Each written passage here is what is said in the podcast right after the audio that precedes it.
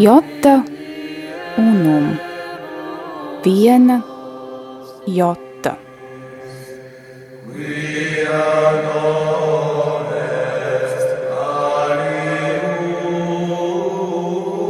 Tradīcija.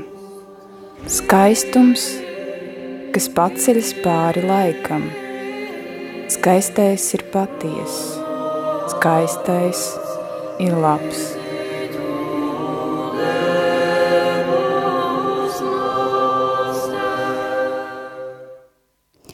Sveicināti, dārgie radio Marija klausītāji! Mani sauc Marija Potniece. Pie skaņu pults ir mana māsa Ilze. Ar jums kopā ir raidījums Jota Unum. Šodien uzsākam jaunu sezonu. Pirmo raidījumu veltot izcilam mūsu laikmeta svētajam, par kuru, kā man šķiet, tiek nepelnīti maz runāts, bet kurš šodien ir aktuālāks nekā jebkad agrāk. Un tātad šodienas raidījums tiks veltīts svētajam pāvestam Pijam desmitajam bet pirms tam ar savu liecību par tradicionālo latīņu misi ar mums dalīsies Valters. Lai top slavēts Jēzus Kristus! Esmu Valters Punkurs, cits starpā arī viens no UNAVOČ Latvijas dibinātājiem. Tradicionālās latīņu misijas, jeb laikam pareizāk būtu teikt Romas rīta ekstraordinārās formas misijas, sāku apmeklēt pirms apmēram 15 gadiem. Dievkalpojumi šādā formā savulaik bija pieejami Valgas svētā gara Romas katoļu baznīcā, un priesteris tos svinēja katru dienu. Sākotnēji man īsti nebija saprotams atsevišķas dievkalpojuma detaļas un tas, kā misē jāuzvedas, kad jāstāv un kad jāsēž, bet priesteris visu izskaidroja, noturēja katehēzi, un man šīs formas liturģija kļuva tuva. Svētā mīsa tika svinēta saskaņā ar 1962. gada Romas misāli, liturģiskā valoda bija latīņu, arī visas lūkšanas un liturģiskie teksti bija latīņu valodā. Šajā dievkalpojumā piedzīvoja to svētās misijas formu, kādā tā tika svinēta gadsimtiem ilgi, daudzās paudzēs līdz pat liturģiskajai reformai, un arī lielākā daļa svēto piedalījās tieši šādas formas svētajās misēs. Vienlaikus gribu uzsvērt, ka šī gadsimtiem cienītā liturģija nav viena nostalģija pēc pagātnes, pēc senajiem laikiem, jo mēs dzīvojam ar un no tā paša garīguma un dievbijības, ko šī dievkalpojuma forma pauž. Šīs liturģijas uzmanības centrā ir pielūgsme, kas izpaužas kā draudzes un priestera kopīga vēršanās pie Dieva. Diemžēl 2013. gadā priesteris no Valgas uzsāka kalpojumu Narvā, un man bija problemātiski tur nokļūt uz dievkalpojumiem. Tomēr tieši tajā laikā kopā ar dažiem domu biedriem dibinājām asociāciju Sunavoče atzer Latvijā, kuras mērķis ir popularizēt tradicionālo latīņu svēto misi un iespēju robežās veicināt, lai tā būtu pieejama ticīgajiem arī Latvijā, lai visi, kuri vēlas, varētu tajā piedalīties, tādējādi kopjot savu ikdienas garīgo dzīvi vienotībā ar universālo un vietējo baznīcu. Mans darbs ir saistīts ar biežiem komandējumiem, un esmu ļoti priecīgs, ka gandrīz visur pasaulē ir iespēja apmeklēt svēto misiju, kas notiek universālā un man saprotamā veidā. Esmu mēģinājis apmeklēt ordinārās formas dievkalpojumus gan Ķīnā, gan Indijā, kas celebrēti vietējās valodās. Un šajās reizēs esmu apjauts, ka man ir apgrūtinoši izsekot līdzi liturģijai, kas tiek svinēta man nesaprotamā veidā, un dažkārt ir pat grūti orientēties, kurā svētās misijas posmā šobrīd esam. Savukārt tradicionālajā misē man viss ir saprotams. Vienmēr var sekot līdzi un aktīvi piedalīties. Arī šobrīd vienu vai divas reizes mēnesī man ir komandējumi, tagad gan pārsvarā uz Eiropas valstīm, un praktiski visur ir iespēja apmeklēt man tuvo tradicionālo latīņu misi. Nobeigumā ceru, ka drīzumā arī Latvijā man un citiem ticīgajiem šāda iespēja būs. Paldies Valteram par šo liecību, par šo dalīšanos, bet nu laiks īsam liriskajam ievadam. Tu nespēsi pretoties objektīviem pasaules integrācijas procesiem. Tas ir antizinātniski. Šādus vārdus izsaka Gendalfs kādā alternatīvā filmas Gredzena pavēlnieks tulkojumā. Mūsu šīsdienas saruna būs par cilvēku, kurš tomēr spēja, kuru nemulsināja apvainojumi par antizinātniskumu, par nepietiekamu atvērtību pasaulē un pasaulīgajiem, un kura lozungs bija atjaunot visu Kristū par pirmo kanonizēto mūsdienu pāvestu Svēto Piju desmito. Pēc pāvesta nāves citkārt gražīgā un untumainā itāļu prese rakstīja Svētais ir miris. Mūsu šī raidījuma viesis ir Una Voce Latvija priekšsēdētājs Andris Amoliņš. Sveiks, Andri! Sveika, Marija un Ilze! Labvakar, radioklausītāji! Paldies, ka uzaicinājāt mani šovakar. Nu, jā, šķiet, ņemot vērā iepriekšējo raidījumu, mēs it kā nebūtu šķīrušies, it kā mēs būtu pavadījuši šo laiku kopā, un atkal mēs esam atpakaļ pilnā sastāvā. Uh, bet pirms pievēršamies raidījuma tēmai, kā no Valtera teiktā varēja saprast, mums ir, mēs esam no šīs biedrības Una Voce Latvija, un šogad mēs svinam kādu īpašu datumu, Tā ir mūsu jubileja, cik gadu mums paliek? Mums paliek desmit gadi. Jā, varbūt jau ir palikuši. Pašlaik nevaru pateikt, kurā septembrī tieši dibināšanas akts notika. Atšķirās. Bet, nu, desmit, jā. Mm -hmm.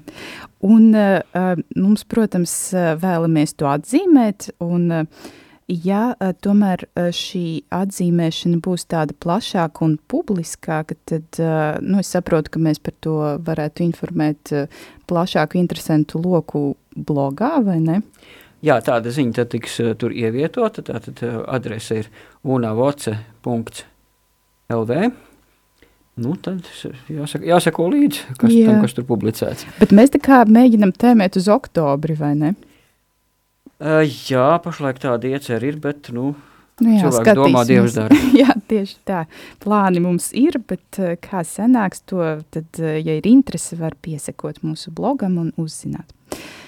Labi, tad turpināsim ar mūsu tēmu, par ko jau mēs uh, iesākām, un tas ir uh, pīs desmitais. Mm, varbūt mazliet par laiku, kurā viņš dzīvoja, no kura laika posma ir šis pāvests, ir respektīvi pirms Pirmā pasaules kara, starpkaru periods vai kurš ir šis brīdis?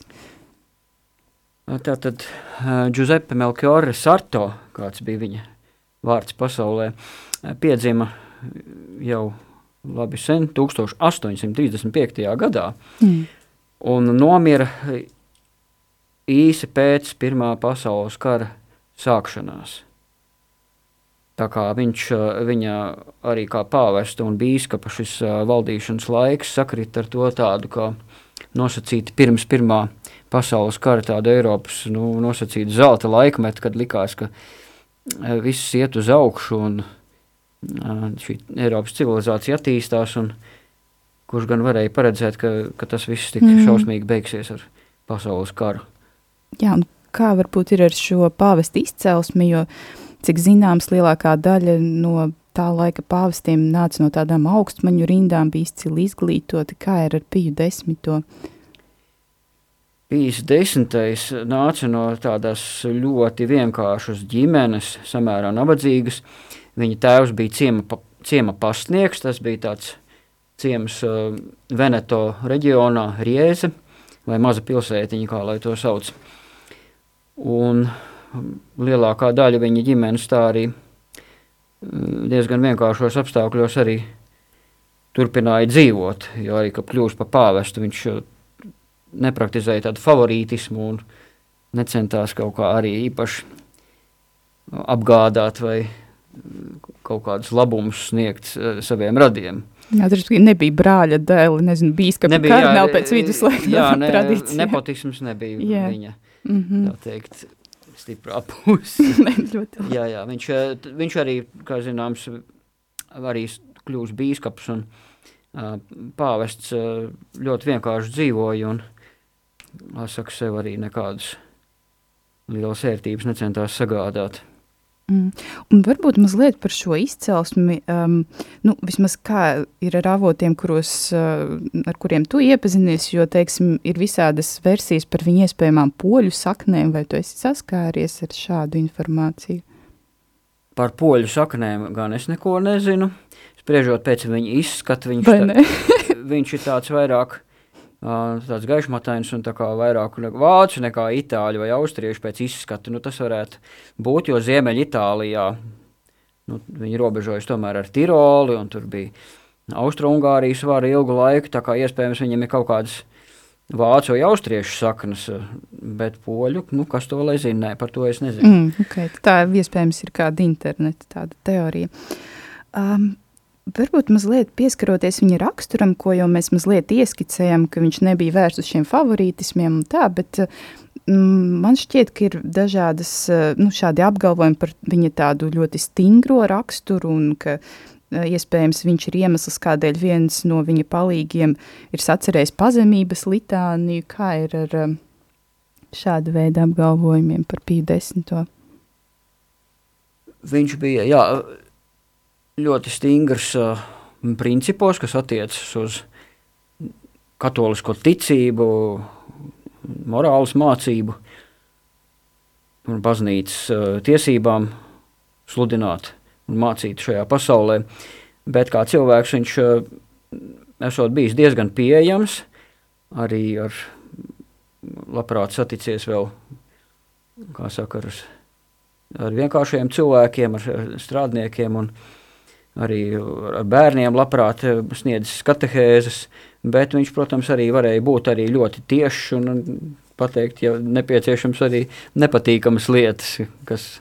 Mm -hmm. Bet eh, viņš jau tiešām ar pieejamību bija tajā laikā liela diezgan, viņš arī satikās ar dažādiem saviem līdzstrādniekiem pietiekami bieži, piemēram, kad notiks darbs pie jaunās uh, Romas graduālus, tad viņš gandrīz vai katru mēnesi satikās ar šiem baznīcas muzikas speciālistiem ļoti diezgan ilgu laiku. Mm. Un arī atšķirībā no daudziem iepriekšējiem pāvestiem, viņš arī regulāri pie sevis pusdienās uzaicināja vairākus cilvēkus. Viņš neēda viens. Un, mm. Tā kā, jā. Nu jā, tad es pieļauju, ka tas varētu būt nu, tāds kā mīts, jo uh, tas, ko es esmu par viņu um, uh, dzirdējusi, ir, ka iespējams tas bija tāds kā lūzums, uh, kad viņš kļuva par pāvestu. Viņš mm, kļuva tāds nopietnāks, jo cik es saprotu no tām biogrāfiskajām piezīmēm dažādu cilvēku, ka viņš bija tieši ļoti pastorāls un ļoti kopā ar, nu, kad viņš bija bīskaps, viņš bija kopā ar saviem priestriem, ar uh, ar draugu, un viņš ir bijis arī mācības spēks, semināros, saprotu, un, un ka šis, šī pāvestība viņš to esot uztvēris kā krustu, un tāpēc eh, nu, viņš esot zaudējis to savu smaidu un varbūt nu, kādu daļu no tiem jokiem un tāda viegluma, kas viņam ir bijis pirms tam. Bet, nu. Nu jā, no amats uzliek kaut kādus pienākumus un nastu, jā, protams, viņš bija kopā ar saviem priesteriem, un viņš ļoti arī apmeklēja draugus, un, kad kļuva par mantujas bīskapu, viņš kā nebija apmierināts ar to, kas notiek seminārā, viņš vienlaikus uzņēmās arī amatu savienošanas kārtībā semināra rektora pienākumus, un, kā saka, pats pie, piestrādāja pie tā, lai seminārs atplauktu un būtu vairāk paaicinājumu un uzlabotos mācību kvalitāti arī. Dzen.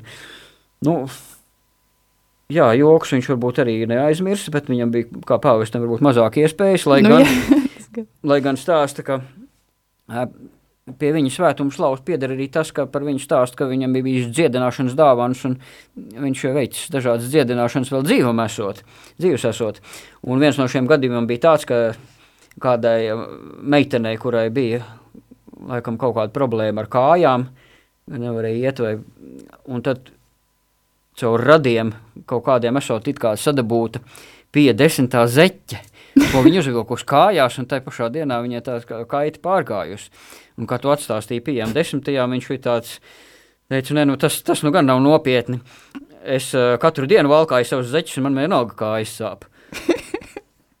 nu, jā, jāatzīst, ka tomēr jā, netika zaudēts tāds humora pilnais skats uz dzīvi. Uh, Bet uh, varbūt ieskicēsim, es saprotu, nu, ka tas ir ļoti, ļoti lielas tēmas, bet uh, ieskicēsim priekšklausītājiem, kāpēc mēs vispār runājam par Piju desmito, kāds tad ir tas viņa ieguldījums baznīcā un pasaulē, un par ko tad viņam dega sirds, kāpēc mēs uh, atgriežamies pie šī neapšaubām svētā cilvēka, un kāpēc mēs viņu aktualizējam tieši šodien?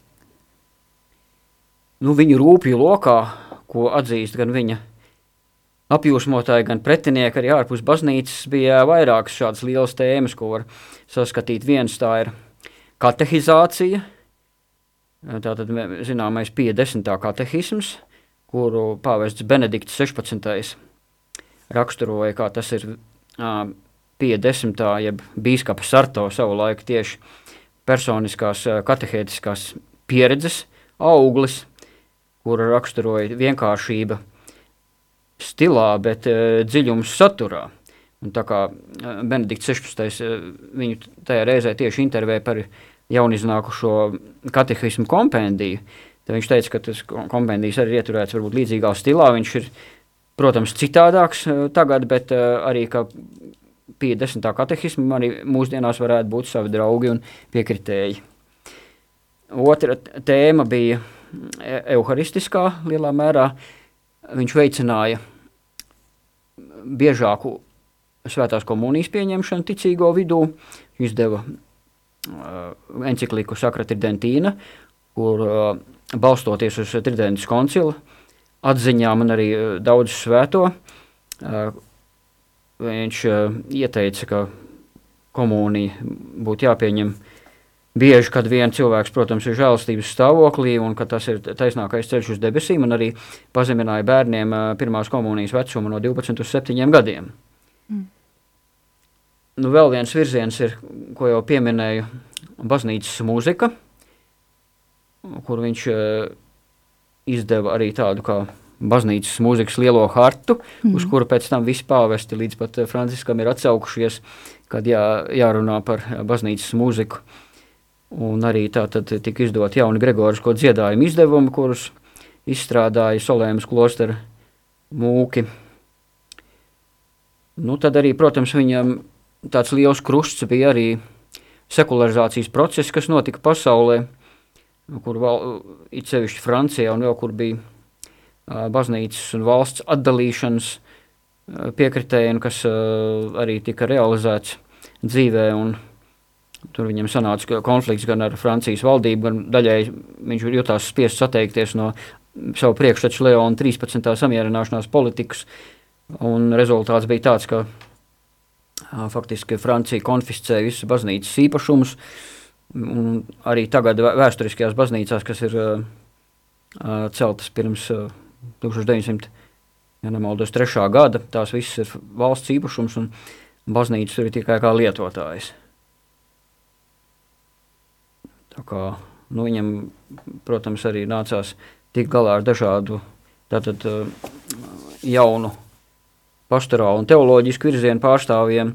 Un tas ir šī slavenā cīņa pret, pret modernismu, kas bija tajā laikā tāds teo, teoloģijas virziens, ko viņš tālredzīgi kvalificēja kā visu herēžu sintēzi.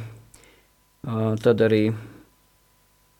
Jā, man liekas, jā. ka šis arī ir tāds. Uh, um, viens no iemesliem, kāpēc uh, pieejam desmitajam ir tik daudz dažādu nelabvēļu, man šķiet, ka līdz pat mūsdienām, jo, ja tā paskatās, īstenībā nezinu nevienu citu īsti svēto, kurš mūsdienās tiktu pakļaus un tādiem dažādiem nelabvēlīgiem um, atstāstiem un nu, tādām kā komentāriem, uh, nu, man šķi, dažkārt šķiet, ka viņš tādā katoļu vidē tiek zīmēts gandrīz vai nu, kā tāds Staļins, kurš tur nogrieza visiem radošajiem dīkstiņiem tās galotnītes un nekas vairs tur neauga. Un kaut kā es, es pieļauju, ka visdrīzāk šī viņa cīņa ar uh, modernismu, varētu, nu, kura vēl nav beigusies manā ieskatā, un, nu, uh, ka varbūt tas bija tas tāds iemesls, kāpēc uz piju desmito tiek mests nepamatoti daudz dubļu. Nu, jāsaka tā, ka nu, pirmkārt, jebkuras darbība var radīt pretdarbību, ja viņa kādam nav tīkama, bet interesanti ir arī, ka tiešām daudz šīs pie desmitā darbības tiešām tiek arī mūsdienās dažādi vērtētas, un starp citu arī tāds sauktajā tradicionālistu vidē. Bet tieši par cīņu par modernismu, piemēram, tāds, nu, gan jāsaka, diezgan liberāls, vismaz sākotnēji teologs Lūija Bujērs, ir izteicies, ka šī cīņa pret modernismu iespējams ilgākā laika postā bija, posmā un perspektīvā bija kontraproduktīva, proti šādā ziņā, ka uh, tur tika tiešām vērsās pret uh, visiem, kas, kā saka, varēja likties, ka viņi kaut kādā veidā simpatizē modernismam ir heterodoksi, un bija tā saucamā pat nodibinājās saucamais sodalīcijum piānum, tātad pija, tā teikt, brālība, kur uh, dažādi, nu, arī gan īdznieki, gan lai tur, un kuri tieši meklēja kaut kādus momentus, ka kādu pieķert un, teiksim, par viņu paziņot. Tā kā mūsdienu inkvizīcijas pēc. Jā, nu, tiešām tā bija, un Boja tad izteicās, ka iespējams, ka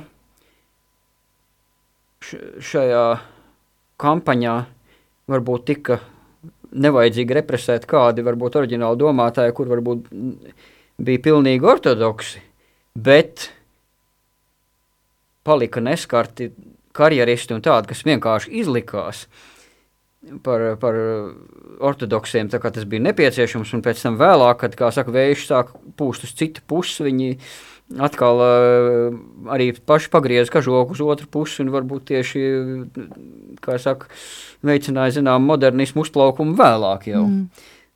Tad ideja bija laba, bet uh, izpildījums tā kā kliboja, jo daži neģēļi tika atstāti. Jā, nu grūti teikt, tas atkal ir viena, viena teologa viedoklis, kur, jā, kuram jā, varbūt jā. pašam mm, šī desmitā, kā saka, šie paņēmieni nepatika, bet drīzāk problēma varbūt bija tāda, ka pēc pieeja desmitā nāves šīs piāna un pakalpojumus vairs tik ļoti Romas kūrī neizmantoja, un līdz ar to, kā saka, kas, kas bija, kā saka, ne, nebija represēta tajā laikā, viņa atkal varēja lēnā garā pacelties un izlīst no savām slēptuvēm. Tā kā šeit bija varbūt arī drusku svētā krēsla nekonsekvence. Bet, nu, nu, jā, jā, jā, nu. Jā, un tad uh, mazliet kā jau tu, kas man mazliet pārsteidz, ka tradicionālisti arī šo to pieņem desmitiem pārmet, bet kādēļ pīs desmitais ir uh, nozīmīgs uh, tradicionālistiem? Jo, nu, pieņemsim, apmeklējot Romu svētā Pētera katedrālē, kur ir šis altāris ar eh, svēto pija desmit atdusas vietu, tur eh, es savām acīm redzēju tradicionālistu pāri, kas tur eh, nometušies ceļos, skaitīja rožu kroni latīniski. Nu, es pieļauju, ka viņi ir tradicionālisti, varbūt ne gluži, varbūt tie bija uh, ierindas katoļi, bet uh, kādēļ šis fenomens? Nu, pirmkārt jau tāpēc, ka Pīs desmitais vispār pašu terminu tradicionālists ieviesa mm. baznīcas maģistērijā. Aha. Jo savā vēstījumā tas gan ir uh, Notre Charge apostolika, tas ir veltīts, laikam, adresēts Francijai, tāpēc ir franciski sastādīts, kur viņš raksta, patiesie tautas draugi nav nedz revolucionāri, nedz uh, jauninājumu ieviesēji, jeb inovatori, bet tie ir tradicionālisti. Mm, tas ir balzāms sirdī. Jā, tur, protams, jāskatās kontekstā, tas bija vairāk tieši saistīts ar uh, to, kā garīdznieki atbalstīja dažādus uh, apšaubāmus un ar mhm. katolisko ticības mācību nesadarīgus uh, sociālā un pastorālā darba virzienus. Bet jā, nu, šis vārds tā teikt, ir tādā ziņā nu, tieši nāk no paša pie desmitā maģistērija. Nu, un otr, otrs arī, protams, ir priesteru brālība, uh, kuru dibināja Marsals Februārs un, nosauca, bija desmitā vārdā, izvēlējās viņu par savu a, patronu. Droši vien tāpēc, tieši ņemot vērā gan viņa katehētisko, de, katehētisko dedzīgumu, mm. kā viņš tieši nodarbojas ļoti daudz ar katehēzi un pievērstam uzmanību arī citas pastorālās iniciatīvas, komuniju un tā tālāk, un arī, protams, viņa cīņa pret modernismu, ko um, pats Lefebvres vēl savos semināru gados droši vien pieredzēja. Un šeit varbūt es mazliet tevi apturēšu, lai nu, izskaidrotu šo nu, tādu laika līkni. Respektīvi, ir bijis desmitais, kurš nedibina pie desmitā brālību. Jo nu, citādi ir mazliet tāds. Nu, dīvains. Nu, tad pēc laika ir šis uh, Lefebvre, kurš dibina pie desmitā brālību, un tāpēc pie desmitā brālības šos biedrus dažkārt, nu, tādā tautas valodā mēs sauc par Lefebristiem vienkārši, nu, lai nav tāds. Uh, nē, nu, tas, jau būtu, tas jau būtu ļoti dīvaini. Ka jā, jā, ka 50. būtu no, nē, nē 50. nodibināja brālību un nosauca to savā vārdā. nu, jā, jau gluži nav. Nu jā, tas būtu diezgan. Jā. Um, tagad mums šķiet ir pienācis laiks ļoti, ļoti īsai muzikālajai pauzei. Pēc tāda īstenībā Andra uh, ierosinājuma, tad varbūt lūdzu pakomentē, ko mēs tagad dzirdēsim. Nu tā tad jau, ja mēs runājam par piju desmito, tad uh, būtu jauki izmantot iespēju dzirdēt uh, baznīcas dziedājumus tieši tā, kā tie skanēja uh, pija desmitā laikā, un mums ir pieejami daži 1904. gada skaņu ieraksti. Tie ir veikti Svētā Pētera bazilikā Romā. Tiesa gan tie nav no dievkalpojuma, bet tie ir speciāli veikti pēc skaņu ierakstu kompānijas lūguma. Tātad viņi izdeva šīs skaņu plates savā laikā. Un tad mēs varam var tiešām dzirdēt, kā, kā toreiz tas skanēja. Tas ir vēl pirms, pirms tam, kad Solēmas klostera šī dziedāšanas metode vēl nebija ieviesusies. Tas ir, kā saka, pirms tam, tā kā tam pat ir īpaši liela vēsturiska vērtība, kā dzieda pāvesta muzikas kapelas toreizajā vadītāja, Monsignora Antonio Rellas vadībā svētās misas ordinārijas Tātad Kīrija uh, astoņi.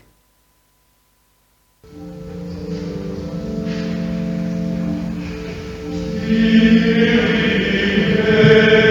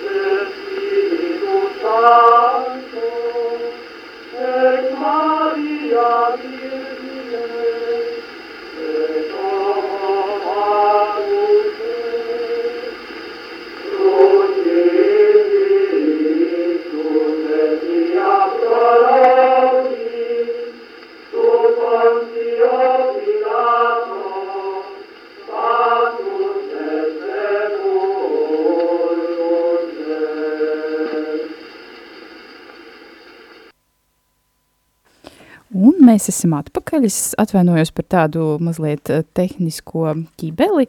Andri, varbūt pakomentē, ko mēs dzirdējām, jo šķiet ļoti tālu no tevis ieteiktā mēs nebijām tomēr. Labi, pakomentēšu ķībeli. Tas pat bija ļoti labi, jo mēs uzreiz redzējām kontrastu. Sākumā ieskanējās mūsdienu izpildījums – Tas bija Kīrija, nevis 8, bet 11. Un, un pēc, tam, jā, pēc tam mēs dzirdējām Kredo jau 1904. gada ierakstā Kredo 3, tātad diezgan populārs gregoriskais dziedājums, ko arī Svētā Pētera bazilikā var dzirdēt, var, var redzēt, kāda ir šīs te stils un tempi un tembri, tā kā tāds jauks kontrasts apmēram simts gadu atstatumā. Jā, vai ne, ka mēs atgriežamies tādā katoļu baznīcas pagātnē, kas principā ir, nu, tas ir tas pats, ko, nu, mēs to sajūtam ar tieši tādu pašu, es ceru, katolisku Jā, te pie Gregorikas pie reizes varētu tātad pateikt, ka tieši viņi ar šo ļoti atceras ar viņu ieguldījumu tieši Gregorisko dziedājumu attīstībā, jo, kā jau teicu, tika izdotas jaunas grāmatas, un īstenībā viņš jau pievēršās tam, ka, kā jau Venēcijas patriarhs jau savas uh, arhidiecēs, ja patriarchāta ietvaros un uh, šīs uh, saucamā baznīcas muzikas karta, ja pazīstama ar nosaukumu Trale Solecitudine, viņi sākumā bija rakstīti un tāpēc arī itāliski uh, tieši Venēcijas provincei, Venēcijas patriarchātam un pēc tam, kad, kā saka, viņi tika reciklēti un izmantot pa jauni un attiecināt uz visu baznīcu. Bet jā, tā tad darbojās šī komisija Romā, kurai bija, kur bija ievērojamākie baznīcas mūziķi tā laika, kurai bija uzdevums sastādīt šīs jaunās grāmatas. Un, jā, Pīs desmitais tiešām ar viņiem arī bieži tikās, kas varbūt mūsdienās liktos dīvaini, ka Kāpēc baznīcas, netikās? Jā? Ka baznīcas muziķi varētu tikt tik viegli pie pāvesta klāt, bet īstenībā tā komisija pat bija sašķēlusies divās daļās, tā teikt, pārstāvēja divas dažādas zinātniskās pieejas, un tad vienreiz gāja tā viena frakcija pie pāvesta, un, kā saka, argumentēja, pēc tam cit, citā reizē gāja tā otra frakcija, un tā vairākas reizes, un beigās tā komisija nekur tālu nebija tikusi, un pāvestam laikam apnika, un viņš uzdeva vienam pašam, abatam, uh, Josefam Potjē, vienam pašam sastādīt uh, šo, šīs grāmatas, nu, izņemot, protams, jau esošos materiālus. Un, kā saka, tā lieta notika efektīvāk un beidzot viņas varēja mm. izdot. Jā, bet es nu pat atskārtu, ka mēs aizraudamies it kā runādam par pašsaprotamām lietām, klausītājiem īsti nesam izskaidrojuši, e, kas tad ir tur, e, nav kārtībā ar to modernismu, jo, nu, mēs tā viszinīgi teicām, nu jā, tur tā cīņa ar modernismu, uh, dažādi teologi, kaut kāda pretstāve. Eh, par ko ir stāsts? Stāsts ir par uh, vairākiem 19. gadsimta beigu teologiem. Uh, Ķerēls, Lozī, vēl viens otrs, kuri faktiski nu, uzskata, ka Žana Žaka Ruso ideju ietekmē sāka reinterpretēt eh, kristīgo reliģiju un reliģiju vispār. Lielā mērā paužot domu, ka eh, reliģija ir cilvēka izjūtu, pieredzes avots, un līdz ar to viņai kā mainās cilvēka pieredze un uztver, tā arī šai reliģijai jāmainās, un līdz ar to viņa faktiski nonāca pie atklāsmes un atklātas reliģijas noliekšanas. Un uh, tas, protams, tas uh, grauj saka, ticību pašos pamatos. Jo līdz ar to tas vairs nav Dievs, kurš sevi atklāja, un baznī, viņa ieceltā un nodibinātā baznīca, kas to interpretē, bet tā ir cilvēka pieredze, un kad tagad jau ir, kā saka, atklāsmes avots vairs nav svētie rakstu un apostoliskā tradīcija, bet, bet laikmets un cilvēku pieredze. Mm.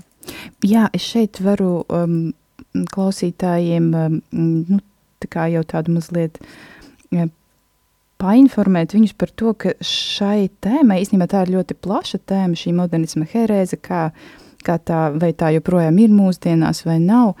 Tādēļ par šo tēmu principā mums būs atsevišķs raidījums, tādēļ mēs ar Andri šeit tam pieskārāmies ļoti viegli un vispārīgi, bet mēs par to runāsim arī plašāk, tādēļ sekojiet līdzi mūsu raidījumu ciklam, un to mēs arī izrunāsim dziļāk, bet respektīvi, jā, kā Andris teica, tas ir uh, šī parādība, kas, ko Pīs desmitais principā piefiksē, definē, un uh, šeit, protams, atšķirās mūsdienu teologu domas par to, cik tas bija pamatoti, vai arī uh, vai tas ir aktuāli mūsdienās vai nav, ir daļa, kas uzskata, ka tas ir aktuāli, daļa, kas uzskata, ka nav, un tādēļ es domāju, jā, šī tēma ir interesanta, un mēs eh, par to vēl runāsim, bet atgriezīsimies pie, pie desmitā, un kā šis pastnieka dēls no nelielā ciematiņa vai pilsētiņas, kā viņš nokļūst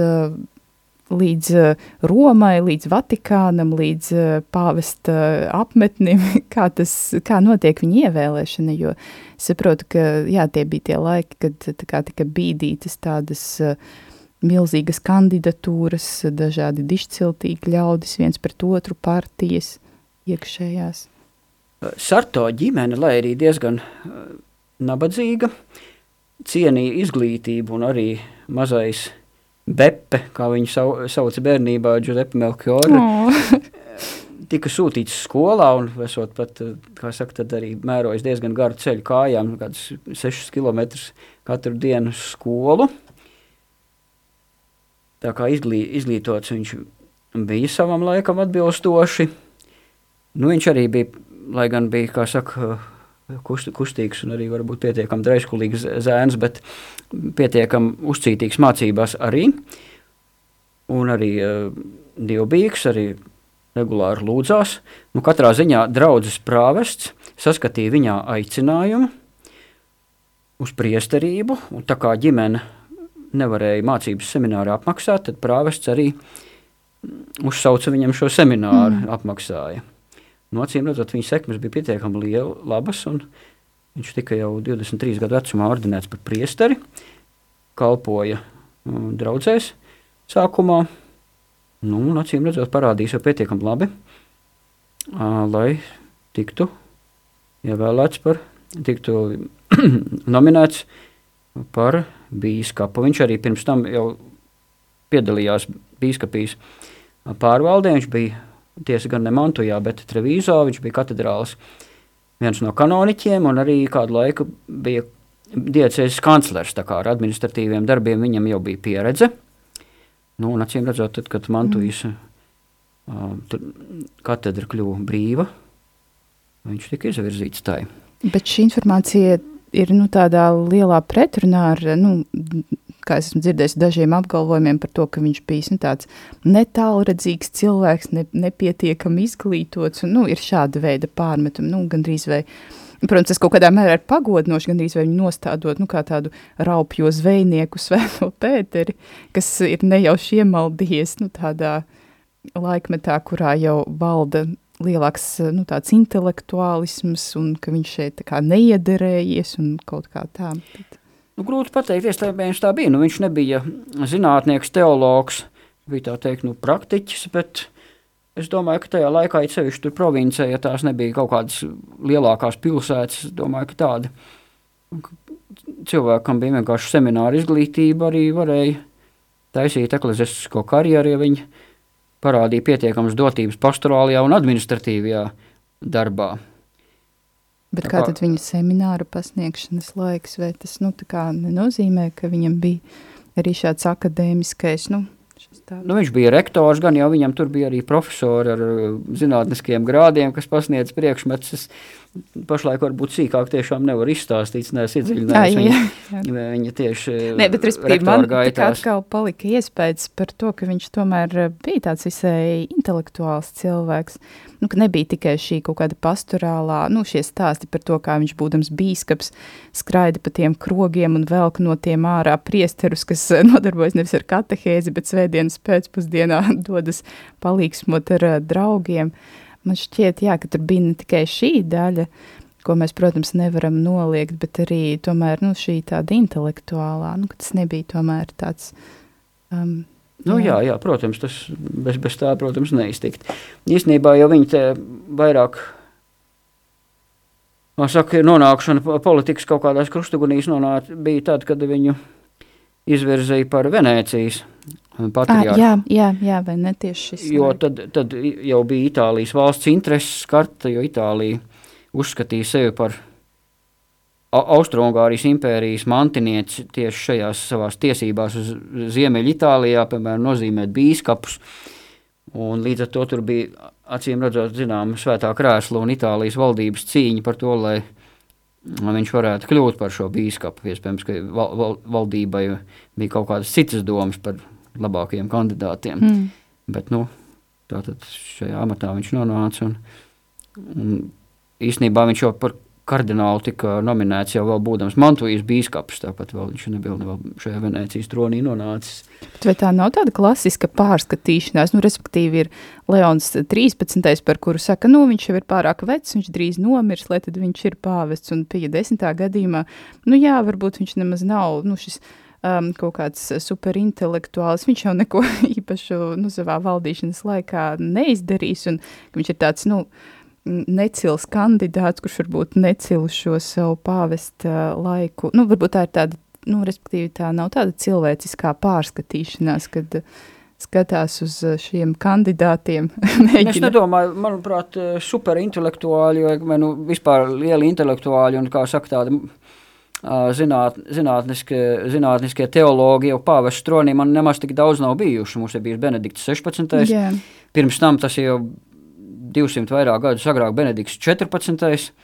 kuram bija liela tiešām teoloģiska nopelni jau vēl pirms ievēlēšanas, nu tad, tad ir jāiet vēl diezgan ilgu laiku apakaļ, gandrīz vai, nezinu, Jānis 21. kurš, kurš arī, kā saka, varbūt šī, šī iemesla dēļ pat ņēma nelabu galu, jo runā, ka, viņ, ka viņš ir gājis bojā savā bibliotekā, kurš, kurš griezti sagrūvi virs viņa. Okay. Bet Jā. tas nav precīzi. Jā, Bet eh, īstenībā arī varbūt, jā, es kaut kā mazliet eh, mm, pārspīlēju ar šo, nu, par to intelektuālismu, jo man šķiet, ka īstenībā tiešām svarīgākais ir, eh, ka pāvests sadzird šo dieva balsi, jo, respektīvi, ir pīs desmitais ar savu encikliku pret modernismu, ir, pieņemsim, Pāvils sestais ar savu humane vite, nu, kas, respektīvi, viņš arī ir, nu, kā pāvests pret pasauli, ir šī kaut kāda problēma un ir pāvests, kurš uh, pēkšņi pasaka vajadzīgo lietu vajadzīgajā laikā. Nu jā, es iespējams kaut kā to. Jā, tas, protams, nu, viņa kļūšana par pāvestu. Nu, tā varbūt nav pārskatīšanās. Es domāju, ka kard, kardināls viņu vēlēja, protams, zināja par viņa uh, iepriekšējo darbību. Tur gan bija tāds interesants moments šajās vēlēšanās, kad, uh, kas sen nebija noticis. Tā tad bija arī, tad, protams, pēdējā reize, kad uh, Austro-Ungārijas ķeizars izmantoja savu privilēģiju, lai uzliktu veto kādam kandidātam. Proti, eh, konklāvu priekšukarā bija jau pietiekami tādas nu, vai baumas, vai nu, zinām, tādas runas, ka favorīts vēlēšanās ir kardināls Rampolla. Un, nu, viņš bija varbūt tāds frankofils vai katrā ziņā Francijas valdības atbalstītājs. Un, uh, Austrungārijas ķeizaram tas nebija patīkams.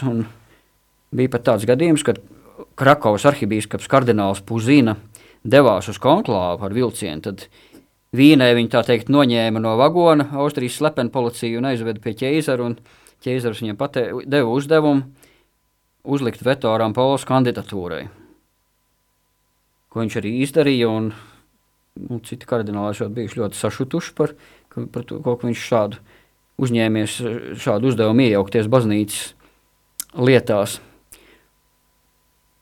Un tas katrā ziņā pēc tam, kad balsis kaut kādā balsojumā noslēdzās par labu kardinālam Sarto, tad nākamajam pieejam desmitiem, nu viņš varbūt tāpēc, lai viņu neievēlētu, vai kā katrā ziņā viņš jau uzreiz apsolīja, ka šo privilēģiju atcels, ja viņu gadījumā mm. ievēlēs. Ah, jā, respektīvi viņš bija par tādu godīgumu, par tādu nu, jā, jo viņš, jo tomēr beigās viņi ievēlēja, un izrādās, ka nu, varbūt tādā ziņā jā, viņš pat kļuva pateicoties šai privilēģijai, mm. šim ķēzaru solim, tieši kļuva mm. par pāvestu, bet viņš tiešām arī viens no pirmajiem viņa administratīvajiem, kā saka, soļiem jaunajā amatā bija, ka viņš atcēla to Tā kā tagad neviens. Uh, Jā, Nevienam nevar laicī, iejaukties, jā, nav tiesības jā, iejaukties konklāvā. Un runājot par viņa vārdu, ā, esmu dzirdējis versiju, ka viņš esot izvēlējies vārdu pīs aiz nu, iemesla, ka lielākoties pāvesti ar šādu vārdu ir bijuši mocekļi. Un tas, nu, tā kā pīs desmitais uzskatīja šo savu amatu par krustu, tad, viņš esot izvēlējies šo vārdu pīs šī iemesla dēļ. Un arī, īstenībā, man liekas, ja mēs paskatāmies uz to viņa dzīves gājumu, ka viņš eh, ir eh, paredzējis šo pirmo pasaules karu un, eh, jā, un ka viņš nomira veltot sevi kā upuri dievam, nu, ka viņš vēlējās, lai dievs, nu, protams, viņš lūdza dievam, lai dievs novērš, nu, šīs šausmas, kas pārņēma pasauli un ka kaut kādā mērā pīs desmitais bija, nu, tā, tādēļ arī šis redzījuma nosaukums, ka viņš ir bijis arī, nu, šis pravietis.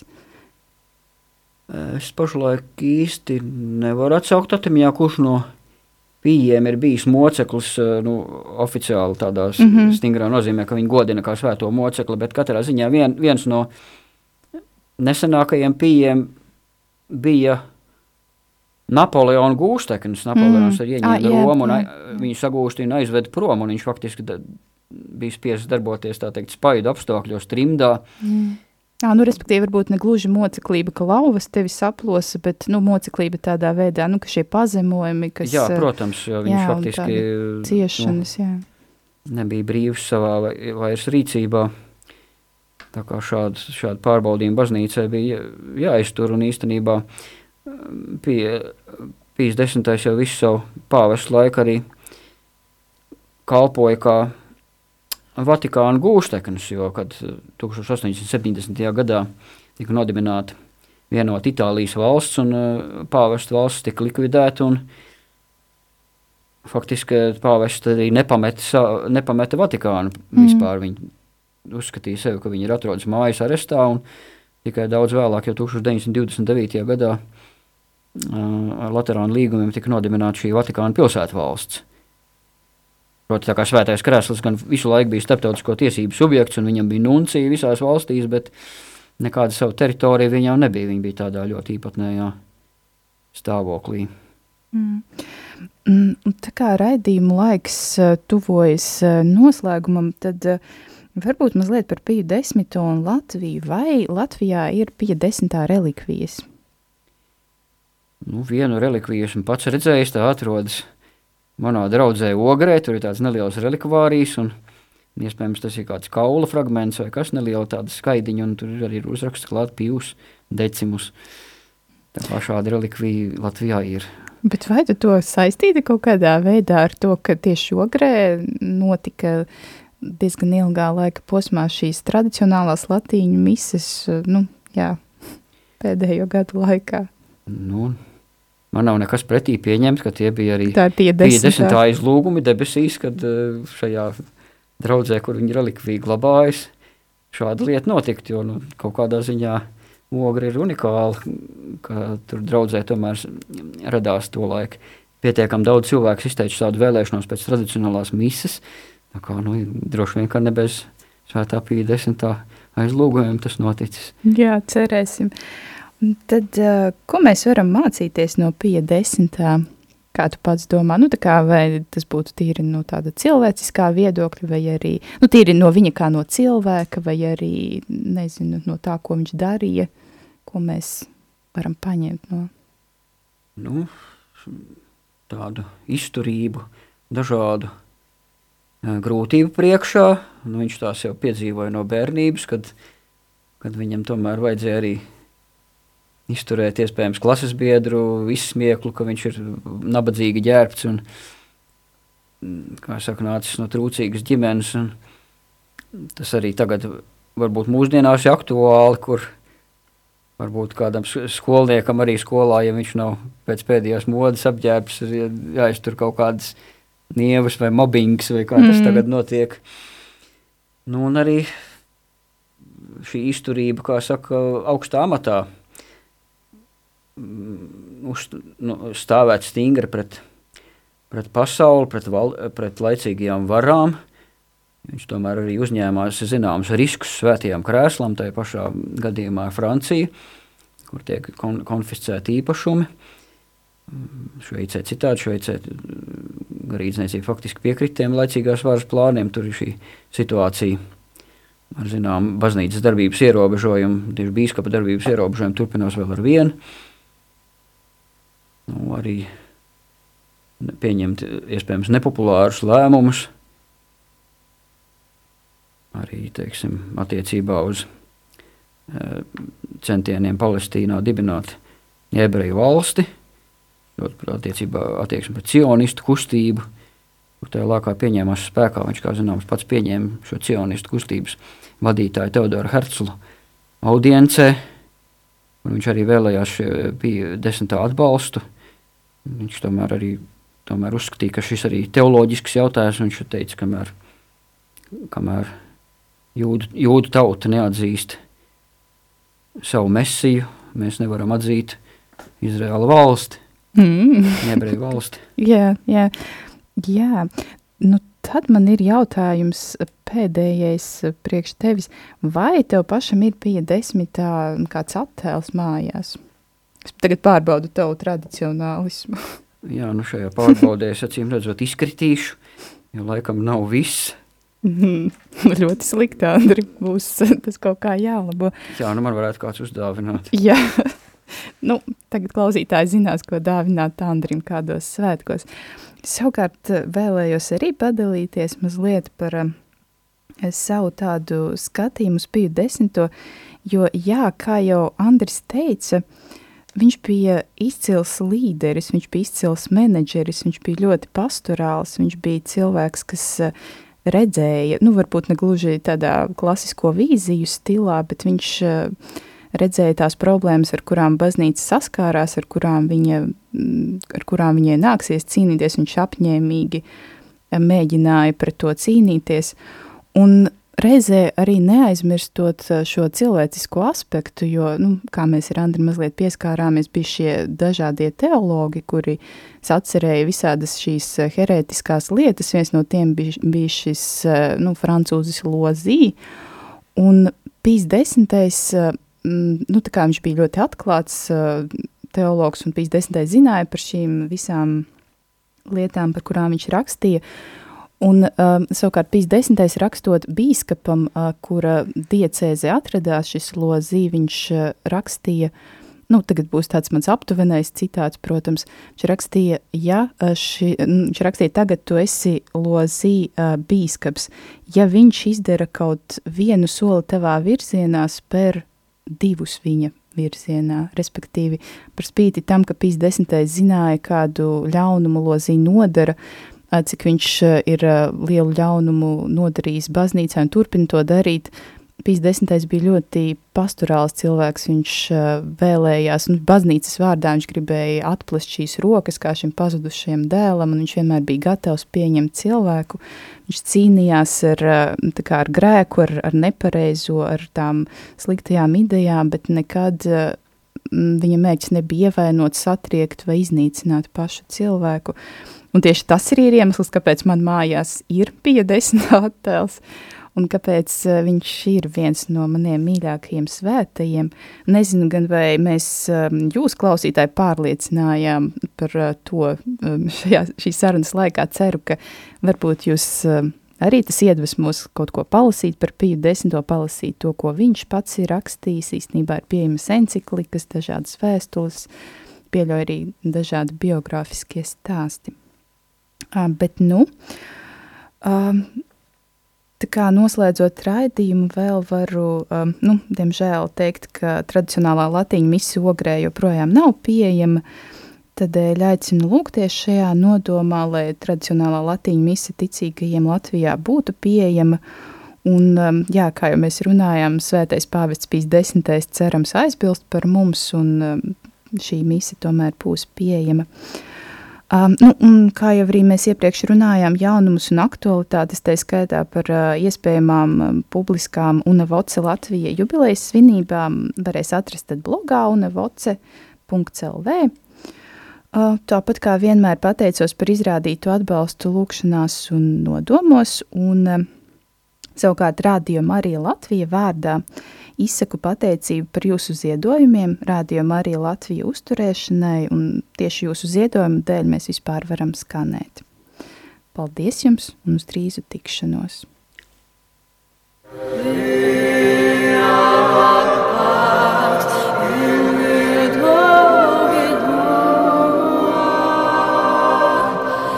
Raidījums Jota Unum ir izskanējis